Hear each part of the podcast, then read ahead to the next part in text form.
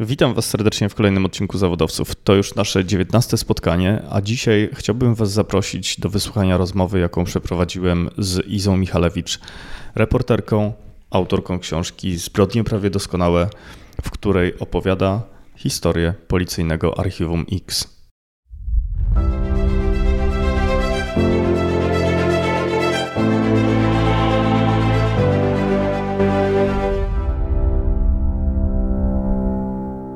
Iza, bardzo serdecznie dziękuję Ci za przyjęcie zaproszenia do zawodowców. Bardzo mi miło. Lubię eksperymenty. Rozumiem, że to Twój pierwszy podcast. Tak, no taki profesjonalny to pierwszy. Słuchaj, wiesz co? Chciałbym się Ciebie zapytać przede wszystkim o tym, jak zostaje się pisarzem. Nie wiem, bo nie jestem pisarką, mówiąc szczerze, i się nie uważam za pisarkę. Yy, mogę co najwyżej powiedzieć, jak się zostaje reporterem. Więc yy, na pewno jest to proces. E, który trwa latami. To nie jest tak, że ktoś zostaje reporterem od razu. Bynajmniej tak było w moim przypadku. Dzisiaj jest bardzo dużo wiesz, takich e, bardzo szybkich karier zawodowych, gdzie e, ludzie nie za bardzo pracowali na stałe w jakichkolwiek mediach na co dzień albo w ogóle chociażby w tygodnikach, po czym już zabierają się za pisanie reporterskich książek. Także w tej chwili wygląda to zupełnie inaczej, jest kompletnie postawione na głowie. Natomiast ja, y, no cóż, osiągnęłam y, to, co mam dzisiaj na drodze bardzo wielu lat doświadczeń i wyrzeczeń. Także tak to wyglądało. A pamiętasz swój pierwszy tekst? Ojej, to była recenzja, słuchaj, w takim pisemku, y, które już nie pamiętam jak się nazywa, ale gdzieś mam nawet w domu na pamiątkę. E, recenzowałam jakiś e, taki konkurs e, w szkole żeglarskiej dawnej, przy dawnej, przy Brücknera. I ten konkurs nazywał się taki mały festiwal jakby Mimoza. No i ja pisałam o tej mimozie byłam bardzo przejęta tym faktem, chyba 90 rok. Masz świetną pamięć. Y, wiesz co, dlatego, że ostatnio ktoś mnie o to pytał i zaczęłam przegrzebywać te swoje y, wszystkie archiwa i przeglądać swoje teksty, których się y, po latach wystraszyłam, co po niektórych, dlatego, że bardzo wiele z tych tekstów to po prostu były recenzje. Kiedyś w latach 90. recenzje pisało się chodząc na spektakle, czytając książki, drenując biblioteki, ponieważ wiadomo, że nie było internetu i nie było taki, takiego łatwego, wiesz, dostępu do informacji, jaki jest teraz w związku z tym kosztowało mnie to o wiele więcej pracy, ale dzięki temu też nauczyłam się szukać informacji e, trochę inaczej niż e, prostą drogą, wiesz, stukując e, wszystkie informacje i hasła w klawiaturę. No właśnie, możesz mi powiedzieć, w jaki sposób reporter widzi świat? E, plastyczny, w sposób wielowątkowy, wielobarwny. E, w sposób wachlarzowy i właściwie powinien być, w każdym razie powinien tak widzieć, w tak zwanym 4D, czyli po prostu e, musisz patrzeć na na wszystko z każdej strony. To znaczy, nie można opisywać jakiegoś problemu, e, jakiejś sprawy, jakiegoś bohatera, nie patrząc na e, drugą stronę opisywanej historii, bo zawsze są dwie strony medalu. Także mm, reporter widzi świat po swojemu, to przede wszystkim, więc to wszystko, co czytamy, e, to tak naprawdę nie jest e, taki tak zwany prawdziwy obiektywizm, bo reportaż nigdy nie jest obiektywny. Reportaż jest Reportaż to są oczy reportera. To jest tak jak inaczej będzie widział e, świat, e, nie wiem, Mariusz Szczygieł, inaczej Wojtek Tochman, a inaczej ja. Więc y, każdy z nas pojedzie w to samo miejsce i zwróci uwagę na zupełnie inne rzeczy. No właśnie, a mogłabyś rozwinąć to sformułowanie, którego użyłaś, że widzisz świat w sposób wachlarzowy? No wachlarzowy, więc e, wiesz, no ja nie przyglądam się światu tylko e, z jego zewnętrza, ale staram się e, dogrzebać do tak, do tak zwanej głębi. Więc opisuję człowieka ze wszystkimi jego namiętnościami, ze wszystkimi ciemnymi, jasnymi stronami i e, wiesz, no przede wszystkim nie patrzę na, na człowieka w sposób informacyjny, to znaczy nie jest, on, nie, nie jest on dla mnie złożony tylko i wyłącznie z informacji, ale jest złożony z wielu e, innych warstw, z, ży- z życia prywatnego, ze swoich porażek, e, z, z, z, bycia na granicy. Mnie przede wszystkim zawsze interesował człowiek na granicy. W związku z tym e, interesowało mnie to, w jaki sposób e, mm, się zachowuje, będąc w sytuacji skrajnej. E, A to raczej nie jest do opisania w zwykłej, prostej informacji. No właśnie, bo mm, przede wszystkim zajmujesz się zwykłymi ludźmi, prawda? Nie zawsze. Opisywałam zabójstwo premiera Jaroszewicza, to taki, nie był taki zwykły człowiek. O, racja, ale w, Zresztą powiem Ci tak, nie wiem co to znaczy zwykły człowiek, dlatego że jeśli, my, jeśli mówisz, że nie piszę o celebrytach, to tak nie piszę o celebrytach. Nie piszę o celebrytach, chociaż zdarza mi się e, napisać e, wywiad na przykład z kimś znanym, kto występuje w filmach i na przykład e, są to aktorzy, ale bywa to bardzo sporadyczne. Rozmawiałam z córką Jacka Kaczmarskiego, która jest aktorką, Patrycją Wolny i dostałam za ten wywiad nominację do nagrody Grand Press za wywiad w tym roku. E, I, I uważam, że to jest niesłychanie ciekawa, e, niesłychanie skomplikowana i nieoczywista postać. E, I mająca przy tym bardzo trudne wspomnienia z dzieciństwa, bardzo trudne relacje z ojcem, poniekąd wielkim bardem Solidarności, tak? Więc ten Jacek Kaczmarski widziany jej oczyma już nam się jawi trochę jako inna postać, tak? Nie jest to postać ze Spiżu, ale jest to postać z krwi i kości, która popełniała e, własne e, życiowe błędy i nie spełnił się e, on jako ani ojciec, ani jako mąż. Właśnie w tej relacji z nią, z jej mamą. Także o tym też była ta rozmowa. No i mm, Patrycja, cóż, jest aktorką, która grywa dzisiaj w filmach Agnieszki Holland. Także bywa, że spotykam się czasem z artystami, ale to bardzo rzadko. Więc jeżeli chodzi o tak zwanego zwykłego człowieka, to tak interesuje on mnie bardziej niż, niż e, ci ludzie z pierwszych stron gazet, niewątpliwie. Dokładnie. A gdybyś nie była reporterem, to kim byś była? Długo się nad tym zastanawiałam, ale chyba, e, chyba byłabym e, artystką śpiewającą piosenkę aktorską. No właśnie, bo też Ale miałeś chyba epizod w swoim życiu, kiedy e, utrzymywałaś się ze śpiewu, prawda? Tak, tak, śpiewałam po francusku i w ogóle śpiewałam, także ba bardzo to lubiłam i mam dobry słuch i podobnież miałam świetny głos. Y, Może mam go nadal, w każdym razie bez ćwiczeń to niestety nie ujedzie, tak jak Violetta Villas, o której napisałam biografię, y, uważała, że ona już jest talentem absolutnie skończonym, w związku z tym ćwiczyć nie musi. A wszystkie śpiewaczki, które mają wielkie głosy, wielkie talenty, zawsze ćwiczyły głos, Violetta nie. No i ja go nie ćwiczę już od wielu lat. W związku z tym byłoby trudno o powrót, ale, no ale zawsze miałam, e, byłam bardzo muzykalna i e, oczywiście byłam zawsze samoukiem, w związku z tym nie chodziłam do żadnych szkół muzycznych, ale tak, chyba bym śpiewała po prostu. A z perspektywy lat, jakbyś miała doradzić młodym reporterom, jak zdobyła się warsztat i w jaki sposób uczy się reporter? Przez doświadczenie. To, to nigdy w życiu nie będzie tak, że ktoś nauczy się wszystkiego w jeden miesiąc, rok e, szkoły, reportażu, czy jakiejkolwiek innej, czy studiów dziennikarskich, tym bardziej nie. Dlatego, że na studiach e, właściwie niewiele można e, dotknąć tego zawodu, zwłaszcza, że uczą tam ludzie, którzy nigdy w życiu sami e, być może nie napisali zbyt wielu tekstów. Jak to na studiach? Tak, więc, więc to jest wszystko tak, tak zwana teoria. Sprzedaje się ludziom teorię, o której można poczytać, a najwspanialszą teorią to są reportaże tych, którzy najlepiej piszą. W związku z tym, jeśli ktoś chce się uczyć, powinien bardzo dużo czytać i to czytać najlepszych, tak? E, Więc, e, więc przez doświadczenie. Nie ma tak, że od razu Kraków zbudowano. No. Ja też pisałam teksty, które y, dzisiaj jak oglądam, to tak uśmiecham się pod nosem, bo sobie myślę, kurczę, no każdy kiedyś zaczynał, taka jest prawda. No właśnie, Iza, gdybyś sięgnęła pamięcią wstecz, to mm, jakie błędy popełniłaś na początku? O, wiesz co, błędy małostkowości, dlatego że y, w pewnym momencie wydawało mi się, że już jestem tak świetna, e, że mm, właściwie świat do mnie należy, a tu się okazało, że niekoniecznie, ale, ale wiesz co, e, powiem Ci tak, że nie było we mnie jakiejś takiej pychy.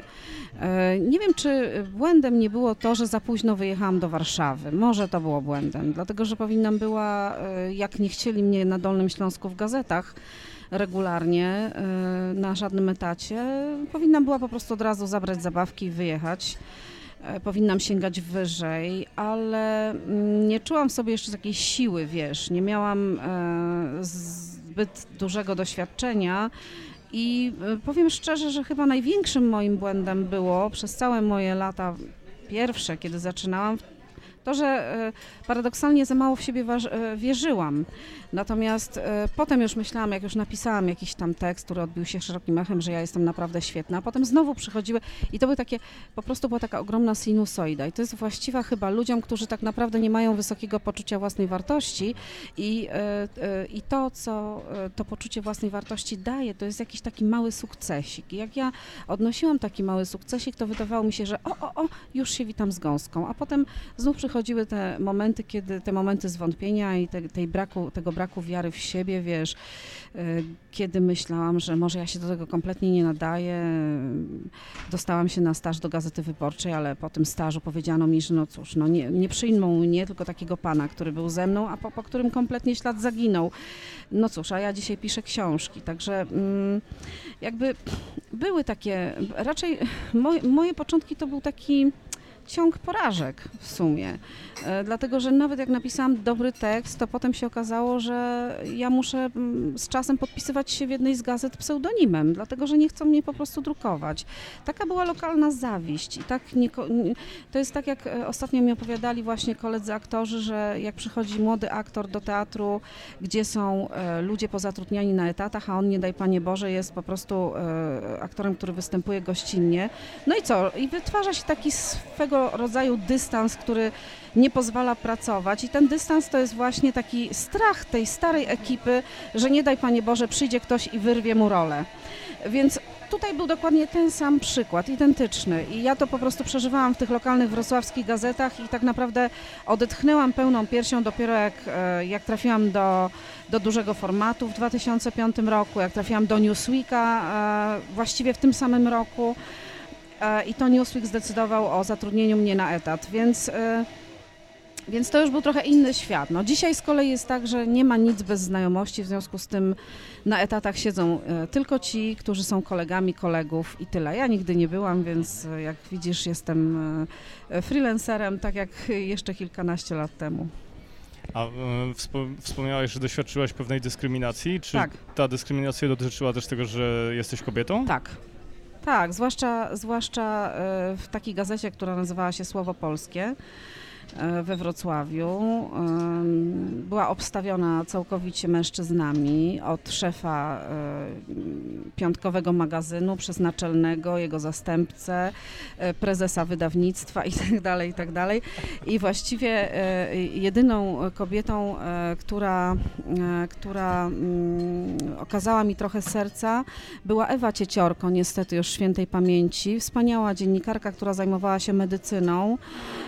Dobry, ciepły człowiek, e, a tak to było po prostu takie e, nazywanie mnie pani z dużą czwórką. Tak panowie o mnie mówili, że tak powiem, za plecami. W każdym razie i no cóż, blondynka, kolorowa, bo ja wtedy wróciłam z Paryża, więc nosiłam pomarańczowe peleryny, wielkie kulki zamiast takie klipsy miałam wielkie pomarańczowe wielkie oczy, wiesz, nastroszone, blond fryzura i ludzie myśleli, że wyleciałam z cyrku, więc więc zwracałam na siebie uwagę. Szczególnie, że to jeszcze nie były kolorowe lata Ależ chyba, skąd, ależ skąd? No to samo mnie spotkało właśnie w Gazecie Wyborczej, że tam wszystko było takie szare i te dziewczyny takie w okularach, spodniach, e, a tu nagle taka Michalewicz. No więc, po prostu był taki dysonans pewnego rodzaju. No ale wiesz, no nosiło się też piękne czarne kapelusze i tak dalej, więc, e, więc no musiałam chyba trochę odstawać. Ja sobie na to teraz tak, wiesz, pytasz mnie o to, więc ja na to patrzę tak z perspektywy lat i myślę, że na pewno było w tym coś, że ja nie pasowałam do układanki. Byłam zawsze wygadana, zawsze e, mówiłam to, co e, chcę powiedzieć. E, nigdy e, nie byłam dyplomatą. Oczywiście czasem było tak, że e, najpierw e, mówiłam, a potem pomyślałam. Zdarzało się oczywiście, że chlapnęłam to i tamto, ale ja jestem po prostu szczera. Ja kocham ludzi, którzy są szczerzy. Uwielbiam ludzi szczerych, otwartych, serdecznych, takich, którzy cię nie oszukają, nie powiedzą ci, że jesteś świetna, na boku będą ci obrabiać e, za przeproszeniem tyłek. W związku z tym ja nie znoszę po prostu, e, e, wiesz, fałszu i wystrzegam się takich ludzi. Nienawidzę cynizmu, więc dla mnie jakby ja nie umiałam grać. Nie było we mnie żadnej gry. Po prostu gdybym chciała grać, to musiałabym udawać, że nie wiadomo jak tych panów lubię, żeby się wkręcić na ten etat. Ja ich zwyczajnie nie lubiłam, bo uważałam, że wiesz, no, że nie doceniają tego, co ja potrafię napisać. Nie pozwalano mi pisać większej formy. E, Mogłam pisać tylko recenzje. Zarabiałam grosze. Jak zarobiłam, e, wiesz, e, jak zobaczyłam swoje wyceny po kolei, no to za, jeden, za jedną recenzję, nad którą naprawdę trzeba się było uchetać strasznie, dostawałam 10 złotych. Więc zarobiłam, pamiętam, swego czasu na buty, które bardzo długo nosiłam i kosztowały 250 zł. Nigdy tego nie zapomnę i tak naprawdę utrzymywała mnie mama. E, Także mm, był to świat męski. W ogóle wtedy, kiedy ja zaczynałam, to był świat męski. W gazecie wrocławskiej w jednym pokoju e, siedziałam z czterema facetami, tym z Romkiem Plaszyńskim, który, e, który dzisiaj też pracuje z dziennikarzem w Warszawie. Więc więc jakby wiesz, no, e, to był trudny świat i, i, i ja bardzo lubię mężczyzn. Ja uwielbiam po prostu z facetami rozmawiać. Ja się dobrze czuję w ich towarzystwie, ale to są na, to jest tak na zasadzie jakby koleżeństwa e, na jednym, e, na jednym poziomie, a ten poziom wyżej facetów już raczej traktował mnie w taki sposób właśnie e, dość powiedziałabym lekceważący. I to mnie strasznie bolało, dlatego że ja wiedziałam, że ja mam jakby dużo do napisania, dużo do powiedzenia, mam dużo fajnych tematów, ale- mi się to uniemożliwia i to mnie straszliwie tłamsiło, bardzo mnie to tłamsiło, przyznam. No. To w Źle to takim, wspominam. Jak w takim razie w takiej sytuacji zbudować tą pewność siebie, o której wspomniałaś? Wiesz co, ja chyba, ja chyba do końca tak naprawdę nie mam tej pewności siebie. Mm, Ciągle, e, e, ciągle e, próbuję mm, dostrzec w oczach innych ludzi, że, że, że coś robię dobrze, że coś robię, mm, że robię coś, co jest wartościowego. Sama się sobie przyglądam i ciągle myślę, że nie do końca jeszcze to jest tak dobre, jak chciałabym, żeby było. Także ja myślę, że tacy najbardziej pewni siebie e, są, e, są ludzie e, puści. E, Więc mm, ja jestem złożona cała z wątpliwości, wiesz, to jest tak, że, że, że nigdy nie będzie już, tak, że ja tych wątpliwości nie mam. Więc nigdy w życiu nie uprawiałabym wobec siebie PR-u, jaka to ja jestem fenomenalna, wspaniała, genialna, najlepsza, w pierwszej lidze i w ogóle. Po prostu to do mnie kompletnie nie pasuje. No chyba, że powiedzą tak inni. Ale wiesz co, ja e, troszeczkę to rozgraniczam, czyli takie podejście, o którym ty e, mówisz, czyli taką aut, stricte autoreklamę, w której mówisz, że jesteś najlepsza, Nie, nie, nie uprawiam tak takiej rzeczy. tak. Oczywiście. A z drugiej strony takim, wiesz, z takim, taką pewnością siebie bazującą na przekonaniu o tym, że to, co robisz jest zgodne z tobą i jest według ciebie dobre. Wiesz co, e, pewna jestem jednego. I ta pewność się nigdy nie zmieni, że jestem na swoim miejscu, że uprawiam zawód, który kocham, e, że staram się robić to jak najlepiej, e, że w ten sposób e, pomagam ludziom, ale też sobie, dlatego że ja, ja się też w tym zawodzie przeglądam jak w lustrze i on mi na pewno jest też do życia potrzebny. No po prostu reportaż jest jak moje DNA i tego się nie da po prostu już e, w jakikolwiek sposób zmienić. Usiłowałam ten zawód rzucać kilka razy i się nie udało, w związku z tym nie będę więcej próbowała. E, Bo, bo, bo, bo to nie ma sensu. E, On mnie zawsze gdzieś dopadnie. W związku z tym, e, wiesz, no, tego jestem na pewno pewna na 100%, tak? I, I będę pisała, dopóki starczy mi sił. Co do tego nie mam wątpliwości. A co to znaczy, że przyglądasz się w, jak w lustrze w twoim zawodzie? Wiesz, dlatego że ja piszę o trudnych sprawach, więc e, czasem tak e, odbija się to, mm, jakby czasem przeglądam swoje życie, patrząc na innych, tak? Więc e, em, to są, to są takie, em, wiesz, nieuchwytne, nieuchwytne rze- rzeczy, które trudno określić racjonalnie. No wiesz, załóżmy, jak, jak piszę, e, załóżmy o, o dziewczynie, w właśnie w mojej ostatniej książce, o dziewczynie, którą, e, e, którą ktoś najprawdopodobniej zamordował, podając jej cyjanek. Więc przyglądam się jej życiu i myślę sobie, kurczę, ona była strasznie samotna. Ja też zawsze w życiu czułam się w dużej mierze bardzo samotnym człowiekiem. Mm, Miała dosyć samotne dzieciństwo. Była bardzo ambitna i tak patrzyłam na nią i tak trochę, trochę znajdowałam w niej z siebie, ze swoich doświadczeń, wiesz, i tak jest nie tylko ona, jest wielu takich ludzi, na których patrzę i myślę sobie, kurczę, podobni do mnie, a jednak spotkał ich inny los. Także to jest niesłychanie ciekawe i, i, i nigdy nie wiesz, e, e, na co tak naprawdę e, życie cię wystawi, na jaką próbę, tak? Więc, e, a ponieważ tak jak ci powiedziałam, ja opisuję ludzi, którzy znaleźli się na jakimś, e, na, jakiejś, na skraju jakiejś przepaści, mm, to bardzo często jest też tak, że zastanawiam się, co by było, gdybym ja stanęła właśnie na, na takiej krawędzi. Także to jest bardzo ciekawe doświadczenie. A z drugiej strony też wiesz, mam świadomość tego, że życie jest o wiele ciekawsze od fikcji, dlatego, dlatego wolę, wolę pisać reportaż niż fabułę. Przeczytałem w jednym z Twoich wywiadów, y, których udzieliłaś, że jedną z pierwszych książek, która Cię zainspirowała do tego, żeby być reporterem, był y, Heban Ryszarda Kapuścińskiego. Y, Naprawdę tak powiedziałam? Tak mi się wydaje. Nie, nie. Ja cytowałam Heban, chyba wiem, o którym wywiadzie mówisz, e, gdzie Kapuściński pisze o kobiecie, która em, oczywiście pisze o Afryce, tak? Więc e, pisze o biedzie w Afryce. E, pisze w sposób niezwykle oszczędny, e, który uwielbiam, dlatego że ja lubię ludzi, którzy nie przesadzają z przymiotnikami i w ogóle przymiotniki to jest coś, czego chyba najbardziej nie cierpię w pisaniu i wyrzucam ile, ile się da. E, Natomiast dlatego, że przymiotniki, uwaga, uwaga, to jest grafomania. Nadużywanie, nadużywanie przymiotników to jest grafomania. Powtarzam jeszcze raz. Dla wszystkich, którzy chcą pisać. A teraz wracam do tematu. Więc właśnie Kapuściński w cudowny sposób opisywał świat, nie używając tych przymiotników. I był taki moment, kiedy opisuje kobietę, która handlowała, handlowała e, jedzeniem. Znaczy, miała jedyne, co miała w swoim, e, całym swoim dobytku, to był garnek.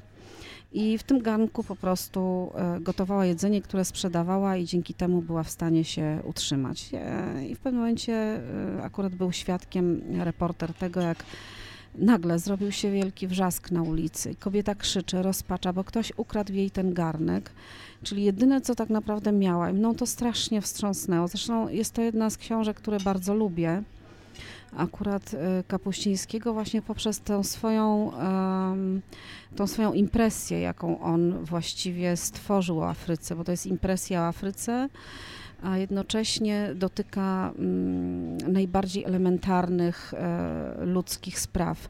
W związku z tym, mm, nie, nie, ale to do pisania tak naprawdę, e, do pisania, miłość moją do pisania, to w ogóle wzbudziła literatura piękna, bo ja byłam przede wszystkim wielkim czytaczem literatury pięknej od szkoły podstawowej, zanurzona w książkach, tak, w poezji, e, w poezji, w ukochanym, wiesz, em, świecie literatury, bo właściwie byłam dość samotnym dzieckiem, w związku z tym dużo czytałam.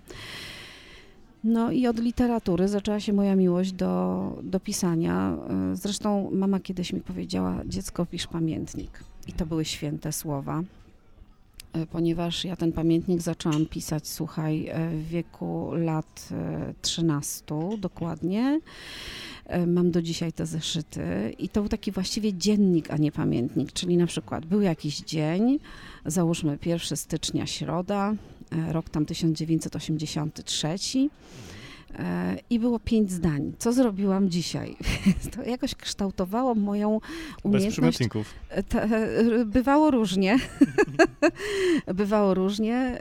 Zauważyłam, że nie, nie pojawiały się błędy ortograficzne, co jest bardzo ciekawe.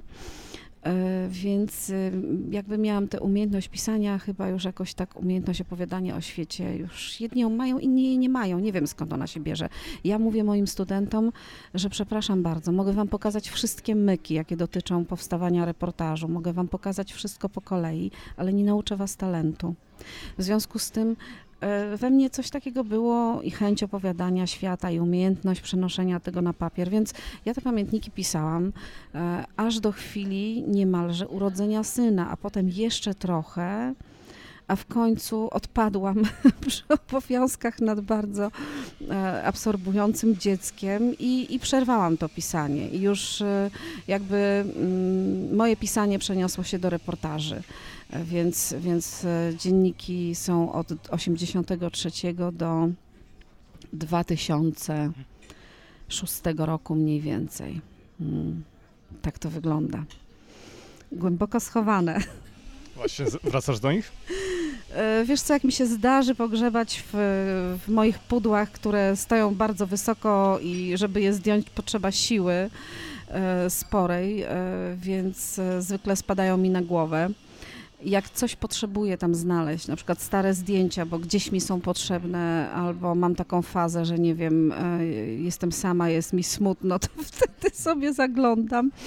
E, I tak się czasem zdarza, bądź że, ale rzadko przyznam. Natomiast Natomiast e, rzeczywiście, jak zaglądam do tych zeszytów, to jest tam wszystko tak drobiazgowo opisane, że mm, zatrzymałam w kadrze świat, który minął, którego już nigdy nie będzie, który już nie wróci, lat 80., mm, lat 90., e, wiesz, świat bez internetu, bez e, wszelkich innych e, atrakcji, które dzisiaj, że tak powiem, zalewają ludzi zewsząd i, i to był świat, który który uruchamiał nieprawdopodobnie wyobraźnię, dlatego Bogu dziękuję, że urodziłam się na przełomie tych wieków. Tak naprawdę. Właśnie miałem cię zapytać, czy coś się, coś się dotknęło szczególnie jak, jak wracasz do, do tych czasów w pamiętnikach i to e, mówisz e, właśnie ta era, tak? Tak, to, to tak, to jest, to jest, to wiesz, no, to są, to są lata, kiedy e, ludzie umawiali się z dnia na dzień na określoną godzinę, bo nie było telefonów, kurczę, bo telefon na osiedlu miała tylko jedna nasza koleżanka z klasy, której tato był e, policjantem. W związku z tym wszystko odbywało się tak, że przychodziło się pod czyjeś okno i się darło Iska, wyjdziesz? Mhm. Więc wyjdziesz na dwór, albo się jechało do... Oczywiście nie było żadnych domofonów, ludzie zapomnijmy o tym. Chodziło się do, od domu do domu, e, dzwoniło się do drzwi, stała banda pod drzwiami mama już nie mogła zakazać wyjścia, e, wyjścia e, na dwór. W związku z tym i biegało się od rana do nocy, po szkole się szło.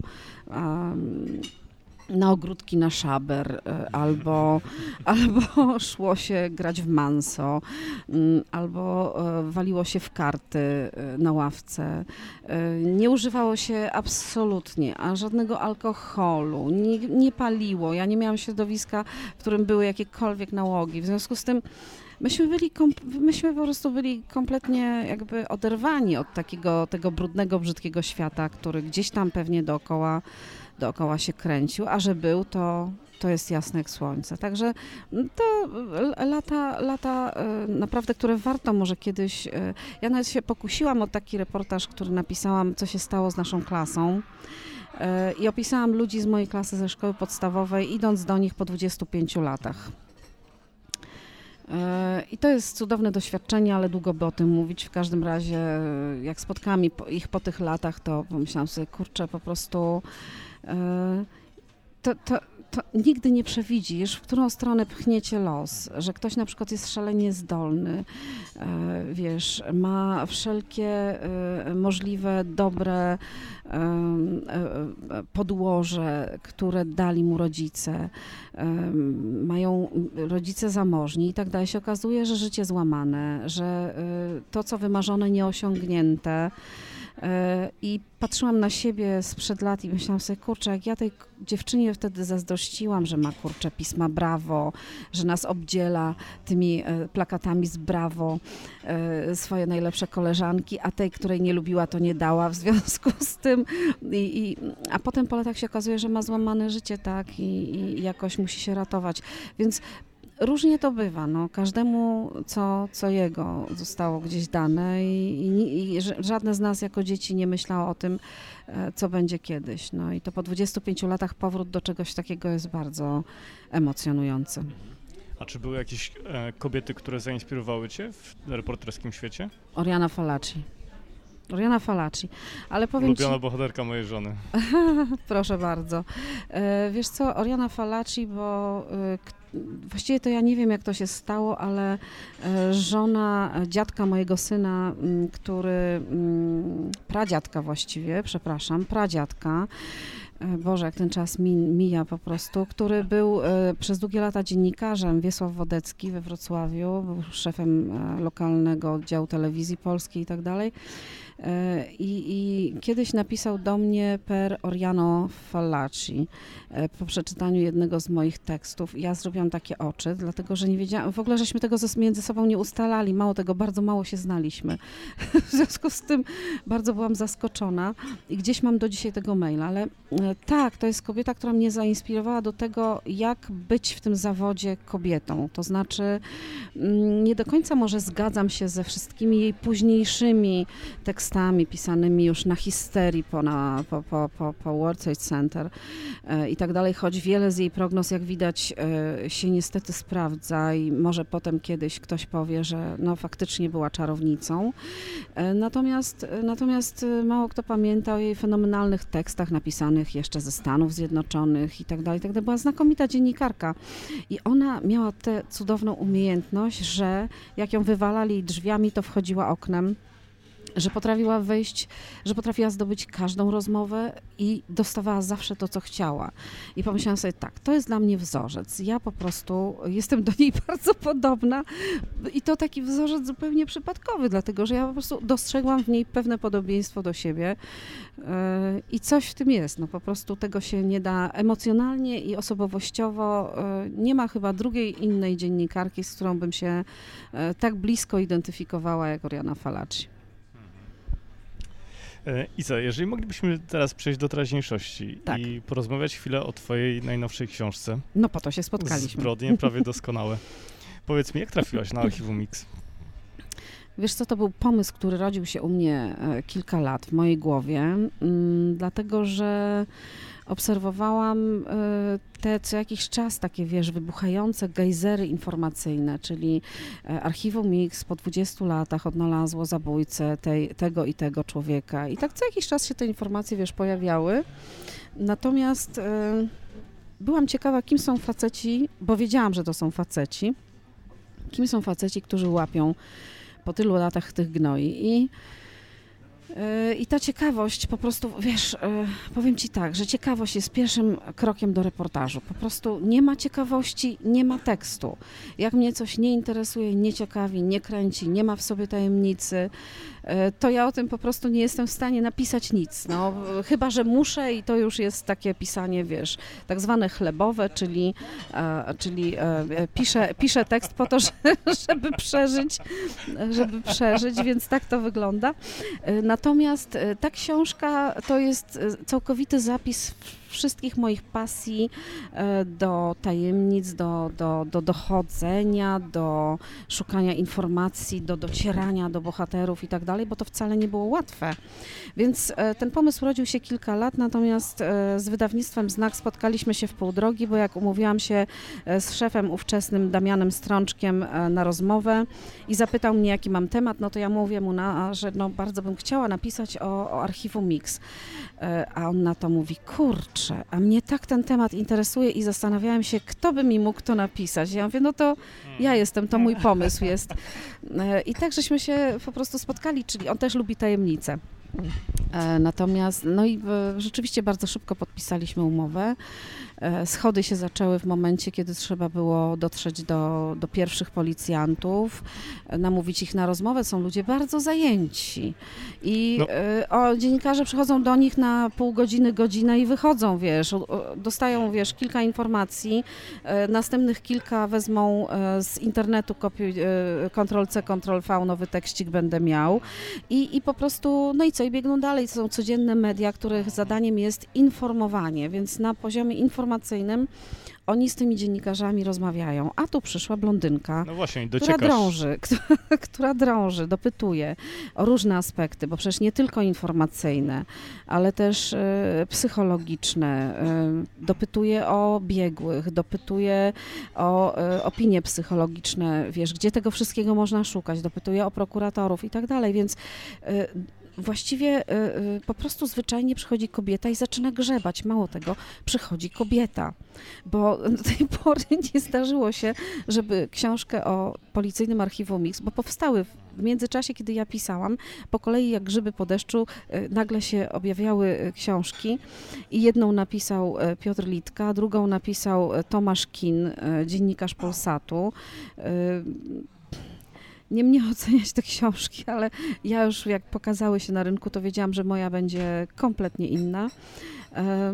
No i cóż, e, jak to mawiał Filip Roth, e, szczegół e, to palce olbrzyma, w związku z tym ja bardzo chciałam, żeby ta książka była pełna szczegółów, bo to szczegóły i ten szczegół właśnie buduje buduje reportaż. E, w każdym razie, no i co, przyszła blondynka i męczy tutaj policjantów. No i oni tak siedzą w kółko w tym swoim gabinecie i tak słuchają, słuchają, mówią, mówią, odpowiadają na pytania.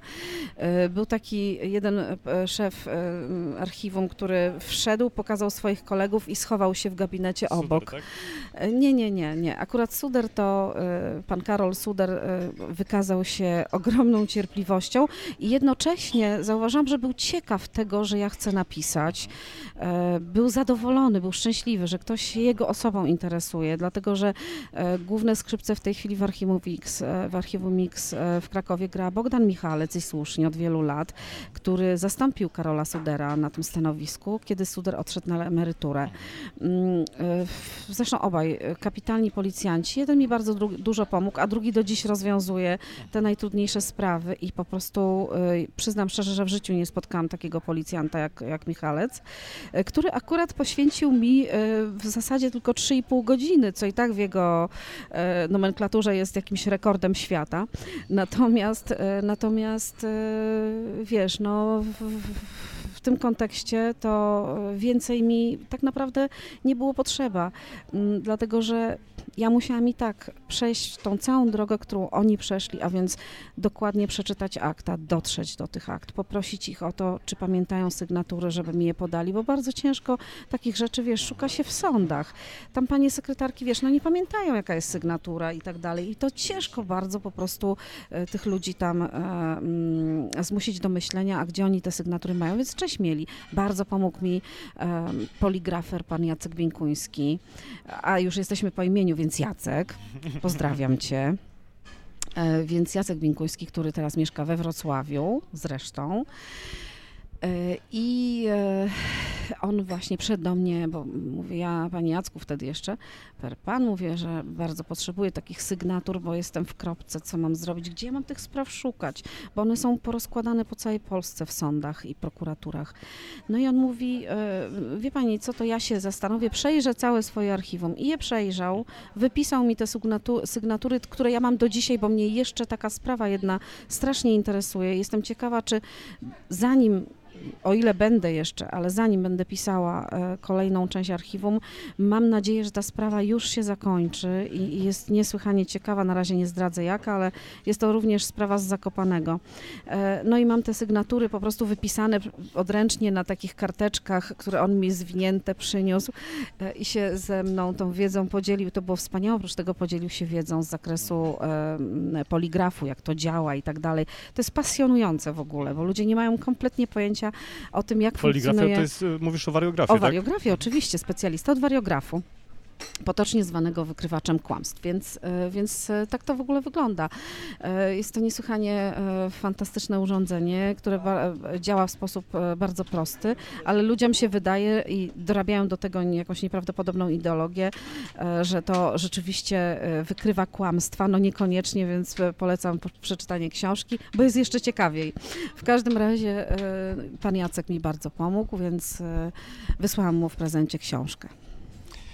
A powiedz mi, w jaki sposób buduje się relacje z takimi osobami, które, które pracują w, przy takich sprawach? Bo to nie jest kwestia jednego, dwóch spotkań. No tak, jak przyszłam na pierwsze spotkanie z Pawłem Mrozowskim e, z Archiwum Mix w Gdańsku, to był tak nastawiony, e, jak sam później przyznał, e, dość zdystansowanie. Właściwie musiałabym go raz jeszcze, bo on już mi był taki moment, że powiedział, czym ja go kupiłam, że w końcu poszliśmy na piwo i zaczęliśmy e, naprawdę e, bardzo poważnie rozmawiać o tym, właściwie nad czym on pracuje, jak wygląda ta praca i tak dalej. Ja myślę, że y, tak naprawdę kupujesz tych ludzi po prostu profesjonalnym podejściem. To znaczy, jesteś absolutnie nastawiony na to, co oni robią, jesteś tego ciekaw. Ja po prostu byłam szalenie tego ciekawa, sporo na ten temat czytałam, pytałam o bardzo wiele aspektów. Interesowało mnie to głębiej, a nie tylko na zasadzie informacyjnej. W związku z tym oni wyczuli bardzo szybko, e, że tak się łatwo mnie po prostu nie pozbędą. E, a druga sprawa to jest chyba jakaś taka umiejętność u mnie, którą mam i którą potwierdzają e, ludzie z zewnątrz, tylko dlatego to o tym mówię, że mam jakąś taką w sobie umiejętność, wiesz, otwierania ludzi. E, I przychodzę i, i oni natychmiast po prostu opowiadają mi to, co ja, o co ja pytam i, i oczywiście bywa ciężko, bo czasem jest tak, że wiesz, przychodzisz do człowieka, który jest bardzo skrzywdzony i E, I wtedy wychodzę z założenia, że nawet ta cisza jest informacją, nawet ta cisza e, to jest opowieść. Ostatnio siedziałam u Michała Nogasia i e, w, w, nagrywając do radia książki i tam mu opowiadam, że próbowałam zrozumieć motywy tych zbrodniarzy, dlaczego zabijają. Nie chciałam ich tłumaczyć, nie chciałam w jakikolwiek sposób ich usprawiedliwiać. E, tylko zrozumieć, a on na to z buta i da się. I wtedy nastąpiła u mnie cisza. No po prostu i ta cisza też mówiła. I po tej ciszy w końcu ja odpowiedziałam, nie, nie da się. Po prostu się nie da. W związku z tym myślę, że ta umiejętność, wiesz, otwierania ludzi, ta szczerość, która we mnie jest, wiesz, bo ja po prostu nie potrafię udawać, no nie będę udawała kogoś, kim nie jestem. E, nie będę udawała, że wiem wszystko, co też oni bardzo szybko wyczuli, dlatego że ja, e, bywały takie momenty, że mówiłam, panowie, ja nie jestem prawnikiem. Ja bardzo dużo poświęciłam na to, żeby rozkminić pewne e, kwestie prawne, a było ich w tej książce bardzo wiele i żeby po prostu nie zrobić, e, wiesz, z siebie e, e, po prostu idiotki, dlatego że popełnianie błędów w zakresie prawa w tej książce, no naraziłoby mnie na kompletną, na kompletną śmieszność, więc bardzo dużo poświęciłam na to, czytając wszelkiego rodzaju rozporządzenia, pytając ludzi, jak to przełożyć na język polski, ten język prawa właśnie. Mm, także mm, oni też... Była kwestia jawności, czy czego to dotyczyło? Dotyczyły kwestie prawne przede wszystkim? E, wiesz co, no kwestie prawne takich podstawowych e, rzeczy, no na przykład co to znaczy e, a, artykuł na przykład, nie wiem, 100 148 kodeksu karnego, tak? Czyli co się za tym kryje, tak? Albo jakikolwiek inny, z którego chociażby, nie wiem, nieumyślne spowodowanie śmierci, czyli jeszcze inny artykuł, w tym momencie już nie pamiętam który. E, więc, e, więc e, to są jakby takie kwestie, żeby się nie pomylić przy takich rozmowach, żeby mniej więcej łapać te sznurki, ale żeby też nie wychodzić z założenia, że się zjadło wszystkie rozumy i ja z takiego założenia absolutnie nie wychodziłam, w związku z tym, ale też i nie byłam taka kompletnie absolutnie bezbronna, dlatego że mając ten, to doświadczenie, umiejętność rozmowy z ludźmi, mm, no po prostu tak umiałam poprowadzić rozmowę, że oni się, że oni się w jakiś sposób, y, w jakiś sposób zgodzili na mnie. Zgodzili się na mnie po prostu, tak? Więc i ta zgoda sprawiła, że powstała ta książka i bardzo im za to dziękuję. Nawet jeśli po, poświęcili mi tylko 3,5 godziny, a jedni, a inni e, kilka dni i kilkanaście godzin, to, to dla mnie nie ma znaczenia, kto mi ile czasu poświęcił. Cieszę się, że w ogóle ten czas e, mi poświęcili i, i, i, i mam nadzieję, że jeszcze się spotkamy. A jacy są ci ludzie z archiwum? Bo oni jednokrotnie łączą zwykłą taką pracę, jak piszą z bieżączką, e, związaną z bieżączką, z e, właśnie śledzeniem tych akt. Szef archiw, archiwum Mix e, we Wrocławiu na przykład jest bardzo uśmiechnięty. Mówi do ciebie tak. To po prostu przychodzisz i on patrzy, patrzył na mnie i cały czas się uśmiechał, aż w końcu zaczęło mnie to irytować bo tak nie bardzo wiedziałam, o co tu chodzi. E, czy on może się tak trochę ze mnie podśmiechuje, czy co? No więc pytam e, go, e, czemu się uśmiecha. A on mówi, Wiesz co, bo ja mam tak, nie, bo on do mnie per pani te prosił, żeby jemu mówić po imieniu, więc ja mu mówiłam po imieniu, no nie mogę zdradzić, jak ma na imię w tym wypadku, natomiast mm, do mnie mówił pa, pani redaktor, czego nie cierpię po prostu, jak ktoś do mnie mówi pani redaktor, w każdym razie. No ale przywykłam, no już nie da rady. Mm, no i e, on odpowiada, bo wie pani, ja tak po prostu mam.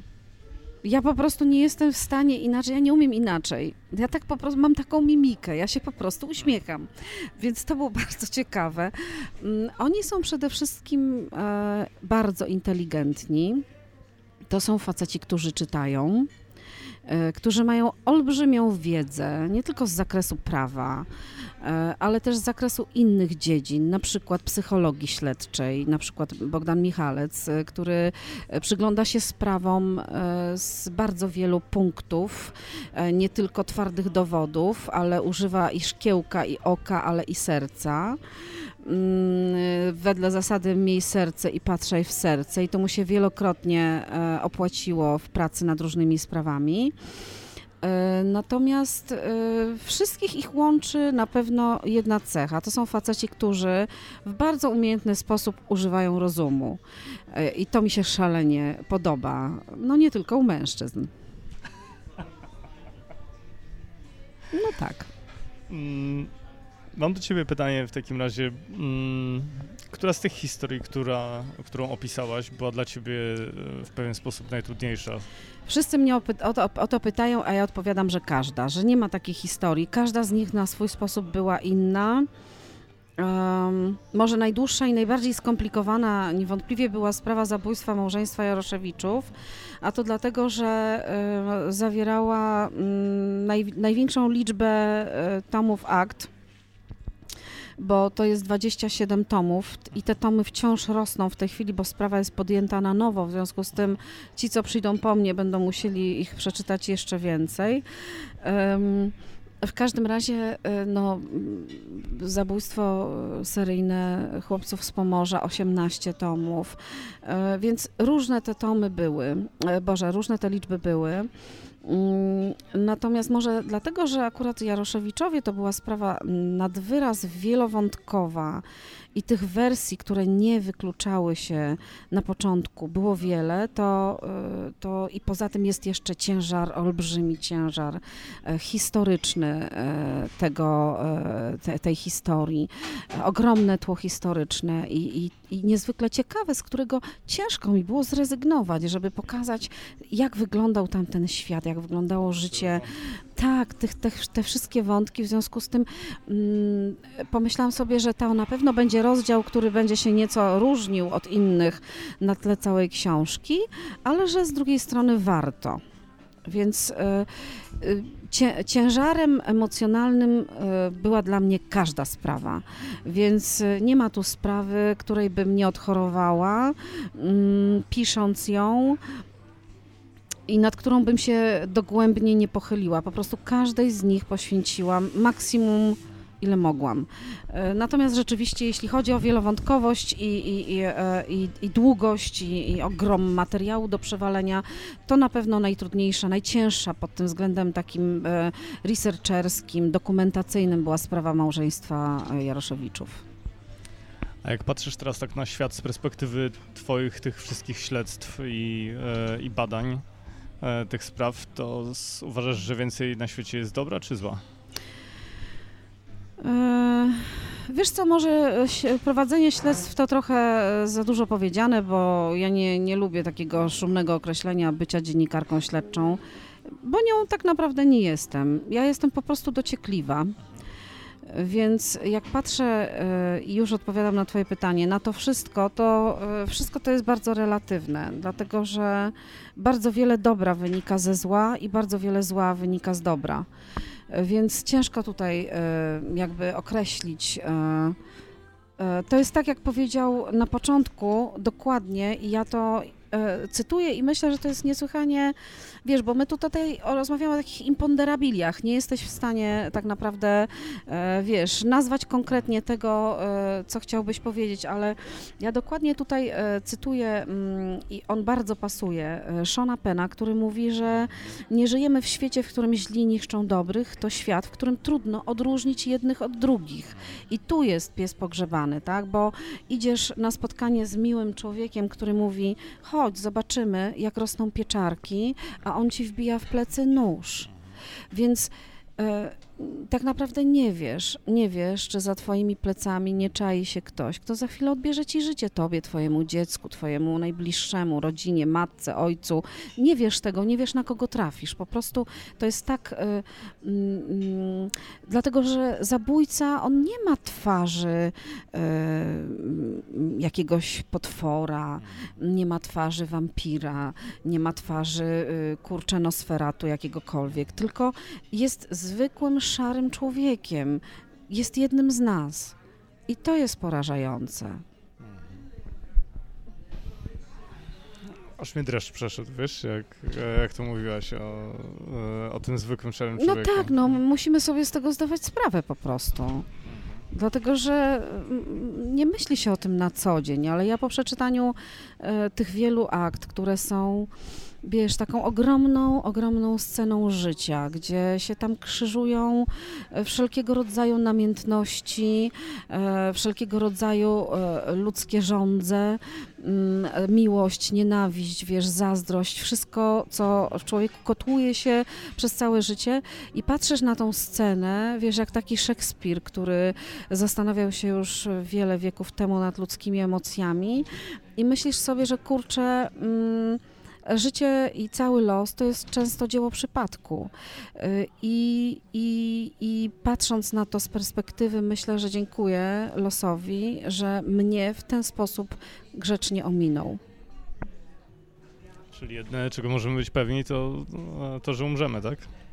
Wiesz, y, zależy w jaki sposób. No. Y, chyba nikt nie chciałby umrzeć w taki sposób, jak umarli bohaterowie mojej książki, tak? E, chociaż ciężko powiedzieć, kto jest bohaterem mojej książki, mm, bo są nimi e, i policjanci, są nimi e, przede wszystkim ofiary, ale też przyglądam się, przyglądam się tym, którzy odbierają komuś życie. Jedyne, czego możemy być pewni, tak, to jest śmierć i chyba nic więcej. Iza, ponieważ jedziesz do Wrocławia spotkać się również z czytelnikami Miejskiej Biblioteki Publicznej. Tak, bardzo um, czekam na to spotkanie. Otrzymałem kilka pytań, które czytelnicy poprosili, żebym zadał tobie w tym podcaście. Przejdźmy zatem do nich. Czy trudno ci jest pisać w ogóle o, tym, o tych tematach, które poruszasz? Bo sama powiedziałaś, morderstwa, ofiary. Słuchaj, no nie jest to bułka z masłem, mm. no. Więc e, jeśli ktoś odpowiada, że pisze o tym z radością, to, mm, to nie znam takiego reportera, który mm, by opowiadał, że pisze z radością. Oczywiście nikt nie pisze o tym z radością, więc e, siłą rzeczy jest mi cholernie trudno. Mm, ale uważam, że e, to są historie, które mogą ludzi czegoś nauczyć, mogą ich nauczyć uważności, mogą ich nauczyć uważności chociażby Mm, w spoglądaniu i wychowaniu, w spoglądaniu na swoje dzieci, wychowywaniu ich. E, bardzo wiele pojawia się w tej książce odnośników do tego, że tak naprawdę e, krzywdy mm, biorą się e, jeszcze z dzieciństwa. I potem z tych krzywd często się nie wyrasta i ci, którzy nie potrafią wyrosnąć z tej krzywdy, sami zaczynają zabijać. Więc y, uważam, że jest bardzo wiele y, ważnych rzeczy, które mm, starałam się pisząc tę książkę przekazać, że stwierdziłam, że, że wolę to zrobić i się już przemęczyć, y, niż nie napisać wcale. Także nie, łatwo nie jest, ale, ale dajemy radę, no cóż, jestem twarda. A czy nie obawiasz się, że poruszanie takich tematów e, śledztw niewyjaśnionych może być dla Ciebie w pewien sposób niebezpieczne? Też słyszę te pytania e, i zdaję sobie sprawę z tego, że budzę pewne demony. E, na pewno jest niebezpieczne, ale w odróżnieniu od, odróżnieniu od co po niektórych, którzy e, tutaj uczą się obsługi, obsługi broni i tak dalej, nie, nie, nie, ja się w ogóle nie, nie bawię w takie rzeczy. Uważam, że swoim pisaniem nie robię nikomu krzywdy mm, i nikogo podwójnie nie stygmatyzuję, nie wiem, e, więc, więc e, nie wiem, kto mógłby Też tu chyba bardziej na... chodzi o sprawców niż, niż o ofiary. A, w ten sposób myślisz? No, e, pewnie tak, wiesz, tego nie wiem i tego nie wie nikt i tego nigdy nie będę wiedziała. E, natomiast e, na pewno mm, nie jednej osobie tym, tą książką e, nadepnęłam na odcisk, bo jednak jest to opisywanie bardzo dużej sfery intymności zabójców, ale to też służy zrozumieniu próby zrozumienia, próbie zrozumienia, tak? Czyli po prostu nie można próbować zrozumieć człowieka bez przyjrzenia się głębiej jego życiu. E, w związku z tym to temu miało służyć, a nie temu, żeby wywalać na, e, dla sensacji, której absolutnie, absolutnie, zresztą to mm, chyba dobrze widać, nie szukam w tej książce. E, także, no nie wiem, jeżeli ktoś miałby ochotę zrobić mi krzywdę, to y, proszę pamiętać, że mam syna, który mnie potrzebuje. Takie pytanie a propos tego, co widziałaś, tego, co przeczytałaś w tych wszystkich mhm. aktach. E, śpisz spokojnie? Nie, no słuchaj, teraz śpię spokojniej, ale w czasie e, pracy nad książką, no to był hardcore totalny, muszę przyznać, bo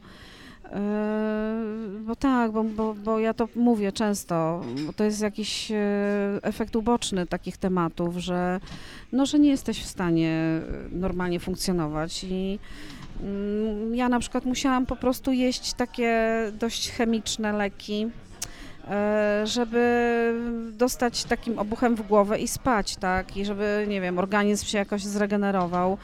No bo rzeczywiście szarpały mną demony różne i nie dało się e, normalnie funkcjonować, ale wiesz co, jeśli chodzi o spanie spokojnie w sensie wyrzutów sumienia z kolei, to tak, to śpię spokojnie.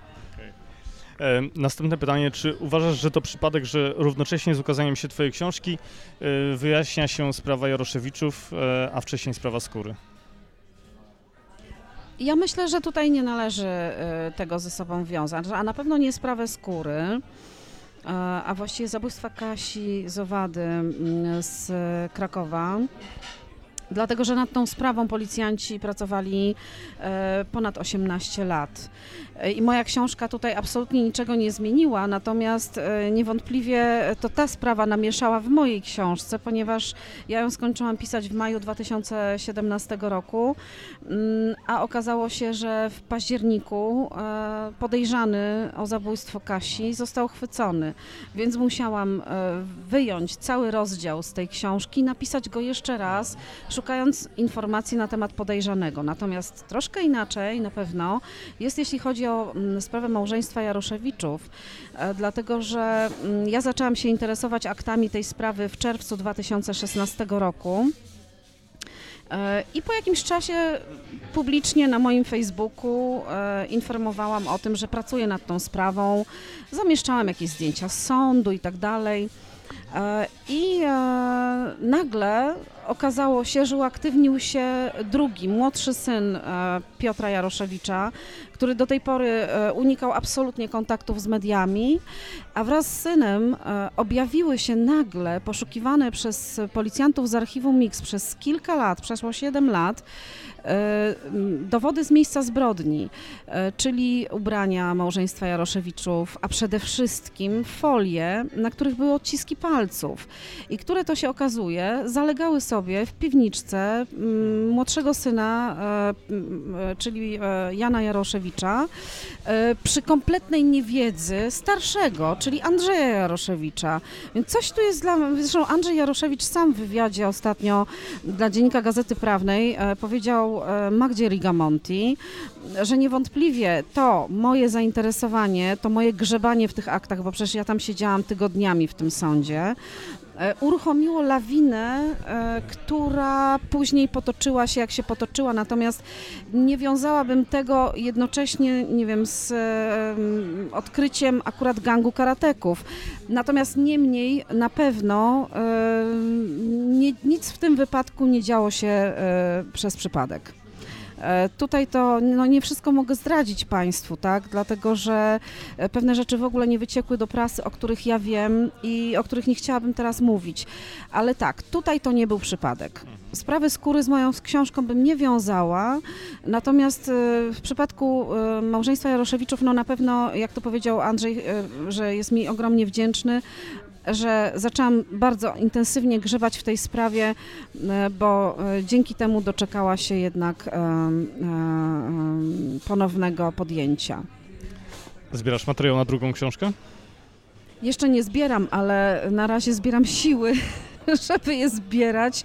E, Na razie chciałabym się zająć inną sprawą, którą będę chciała opisać jako jedną sprawę, e, również e, niesłychanego, słynnego zabójstwa w Polsce, ale nie chciałabym zdradzać, jakie to będzie zabójstwo, dlatego że tym razem będę chciała pracować w absolutnej ciszy. W takim razie trzymam kciuki. Czy mogę e, Ci czegoś życzyć w takim razie?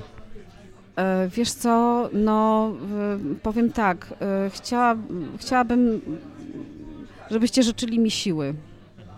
Siły, siły i wytrwałości, bo e, to wymaga, ta praca tego właśnie wymaga. No i trochę szczęścia jeszcze by mi się przydało i kasy, kasy.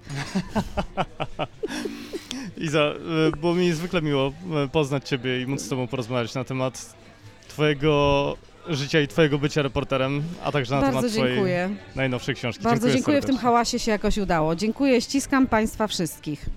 Dzięki.